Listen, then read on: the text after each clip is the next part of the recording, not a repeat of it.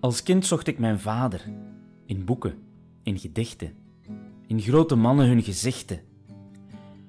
Ik vond soms wel een strofe, maar nooit echt mijn refrein. Ik kwam in vele huizen, maar wist niet waar thuis te zijn. Steeds luider zong ik tegen de angst op mijn verdwaalde pad. Voor elk klein applaus gebruikte ik de kunstjes die ik had. Maar ondanks al mijn woorden wees mijn vermanende vinger nooit het noorden aan. Als vader vond ik plots mijn kind, oog in oog en tand om tand. De blik was diep en snijdend als gebroken spiegelglas. Was het om de scherpe randen en het geronnen bloed, of had ik halstarrig de andere kant uitgekeken omdat de puzzel onvolledig was? Heeft het zin te zoeken naar het stuk dat altijd zoek zal zijn? Wil ik weten wat het verleden mij zegt of wat ik in mijn toekomst nog betekenen kan?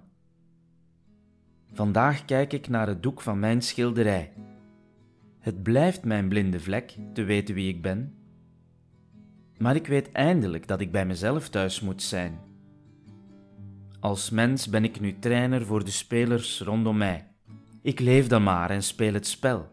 Soms fluit ik ook de wedstrijd. Ik moest mijn tactiek wel eens bijsturen, mijn aanvallers vervangen en de verdediging uit handen geven. Maar in mijn ploeg is altijd plaats. Dus wie wenst, speelt mee, al is het maar voor even. Mijn team is niet altijd het winnende, maar meestal wel het boeiende.